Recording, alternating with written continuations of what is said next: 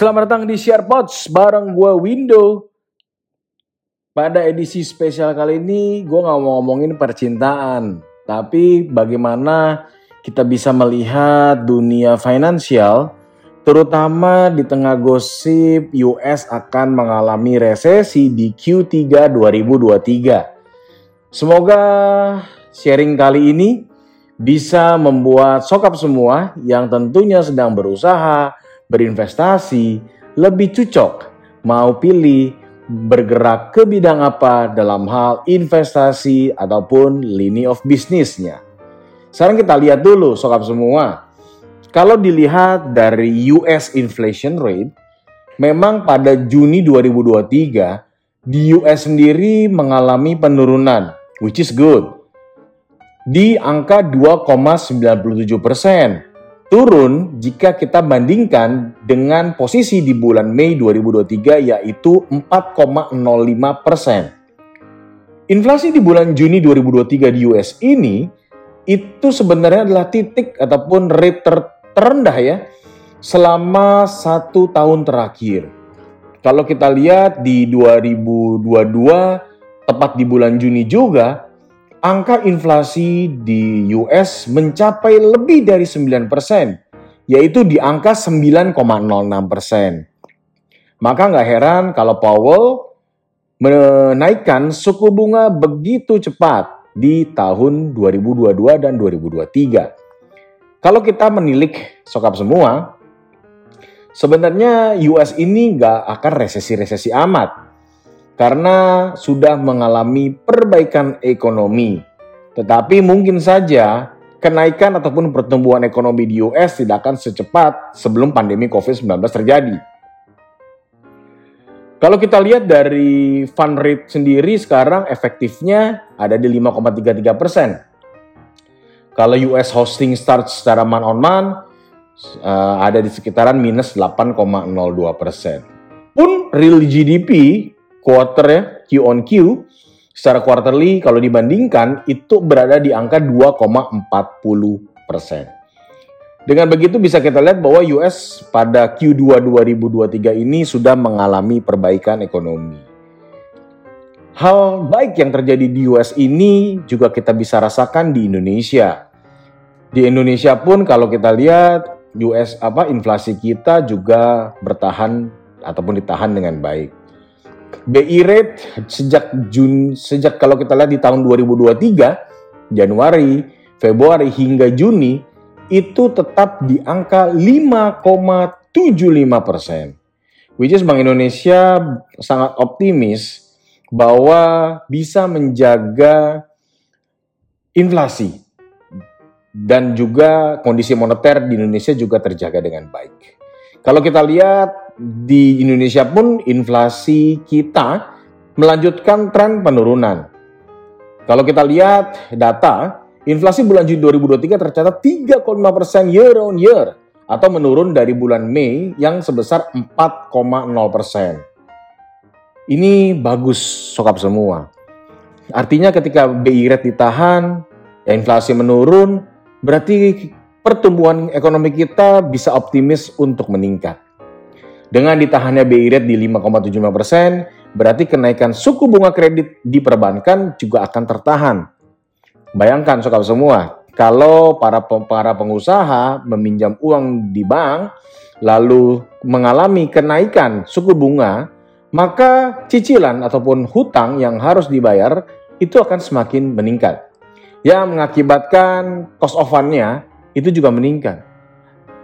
Kalau cost of fund kita meningkat atau yang kita lebih enak disebut COF ya, COF kita meningkat berarti harga jualnya harus dinaikkan supaya pengusaha-pengusaha tersebut tetap mendapatkan margin yang baik sehingga bisa mengelola usahanya dan meraup keuntungan. Hasil yang kurang baik bagi para masyarakat yang atau konsumen yang mengkonsumsi ataupun membeli barang yang dijual para pengusaha tersebut. Apakah daya beli masyarakat kita sudah kembali normal? Sehingga berapapun kenaikan harga yang dinaikkan oleh yang dilakukan oleh pengusaha akan diabsorb dengan baik oleh customer. Kita mesti mengingat apakah daya beli masyarakat di Indonesia juga membaik. Kalau kita lihat memang sekarang bukan hanya uh, kondisi global, ekonomi global ya, terutama di US. Tetapi juga ada faktor alam bahwa pemerintah Indonesia sudah bilang harus mewaspadai potensi risiko terjadinya El Nino pada inflasi pangan. Mereka sudah melakukan program edukasi petani terkait strategi tanam dan mendorong optimalisasi penggunaan infrastruktur pengelolaan air untuk meminimalkan risiko gagal panen. Ini resmi di launch atau dirilis oleh Kementerian Keuangan Republik Indonesia pada bulan Juli 2023. IMF sendiri kalau kita lihat memprediksi bahwa negara maju ekonominya akan melemah, cenderung melemah di tahun 2023 kecuali Jepang. Seperti kita tahu bahwa di Group of Seven atau G7 itu ada tujuh negara yang termasuk negara maju utama di dunia, yaitu US, Kanada, Inggris, Jerman, Prancis, Italia, dan Jepang. Wah, Jepang boleh lega nih, karena diprediksi malah Jepang akan bertumbuh ekonominya menguat dari satu persen pada tahun 2022 menjadi 1,4 persen pada tahun 2023. Memang negara-negara maju terus memicu penurunan pertumbuhan ekonomi global dari tahun 2022 dan 2023. Ini disebabkan karena dengan kinerja manufaktur yang lebih lemah. Ya tentu ini juga ada imbas dari pandemi COVID-19 yang mungkin saja belum bisa beroperasi dengan normal meskipun sudah banyak negara yang menyatakan bahwa pandemi COVID-19 sudah berakhir dan berganti menjadi statusnya endemi. Sobat semua bagi yang berusaha atau yang melakukan wira swasta boleh boleh berlega hati dengan kondisi ekonomi sekarang ini baik global ataupun di lokal di Indonesia semuanya menunjukkan hasil yang positif. Artinya tidak akan ada lagi yang namanya tiba-tiba ada kenaikan suku bunga BI rate maupun di US. Kita berharap bahwa Powell uh, bisa melihat dan memprediksi apakah US ini akan mengalami resesi atau tidak. Tetapi kalau lihat dari pandangan gue dan analisa gue, kemungkinan besar resesi di Amerika tidak akan terjadi di Q3 2023. Atau mungkin saja mundur di Q4, atau bisa jadi nggak sama sekali terjadi di tahun 2023 ini. Jadi segala ketakutan yang sokap semua miliki ketika berusaha ataupun berinvestasi sudah bisa mulai diturunkan risikonya ataupun risk appetite-nya. Satu lagi sokap semua ketika bertanya, kira-kira apa sih kalau gue bukan pengusaha, gue mau investasi misalnya di reksadana. Pilihlah kalau menurut gue, kalau boleh lihat-lihat di reksadana obligasi. Obligasi kan obligasi obligasi surat-surat utang negara ataupun pemerintah bisa lihat ya bahwa trennya juga cukup baik terjaga karena ini juga banyak diminati oleh para investor di secondary market. Suka semua yang belum punya boleh lihat-lihat, boleh pelajari dulu. Jangan lupa ini adalah NAV, non-financial advisory. Jadi suka semua tolong dibaca lagi dan direnungkan sebelum masuk ke salah satu instrumen investasi. Bagi yang suka pasar modal, ya monggo saja. IHSG kuat kok di level 6.900. Siapa tahu bisa break lagi ke 7.000, 7.100 kita nggak pernah tahu.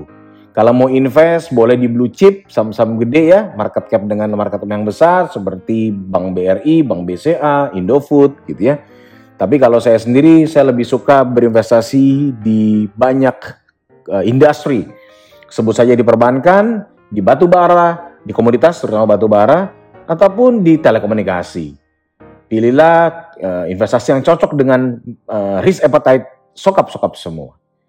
Jangan lupa pertumbuhan ekonomi mau nggak mau juga akan berefek ke instrumen investasi dan dunia usaha kita.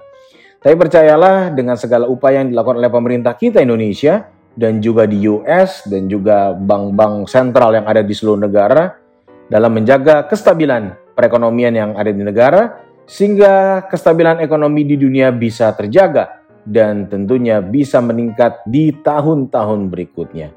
Sobat semua, memilih instrumen investasi yang tepat bukanlah hal yang sulit. Jangan lupa untuk tetap membaca dan menganalisa sebelum kita membeli sesuatu instrumen.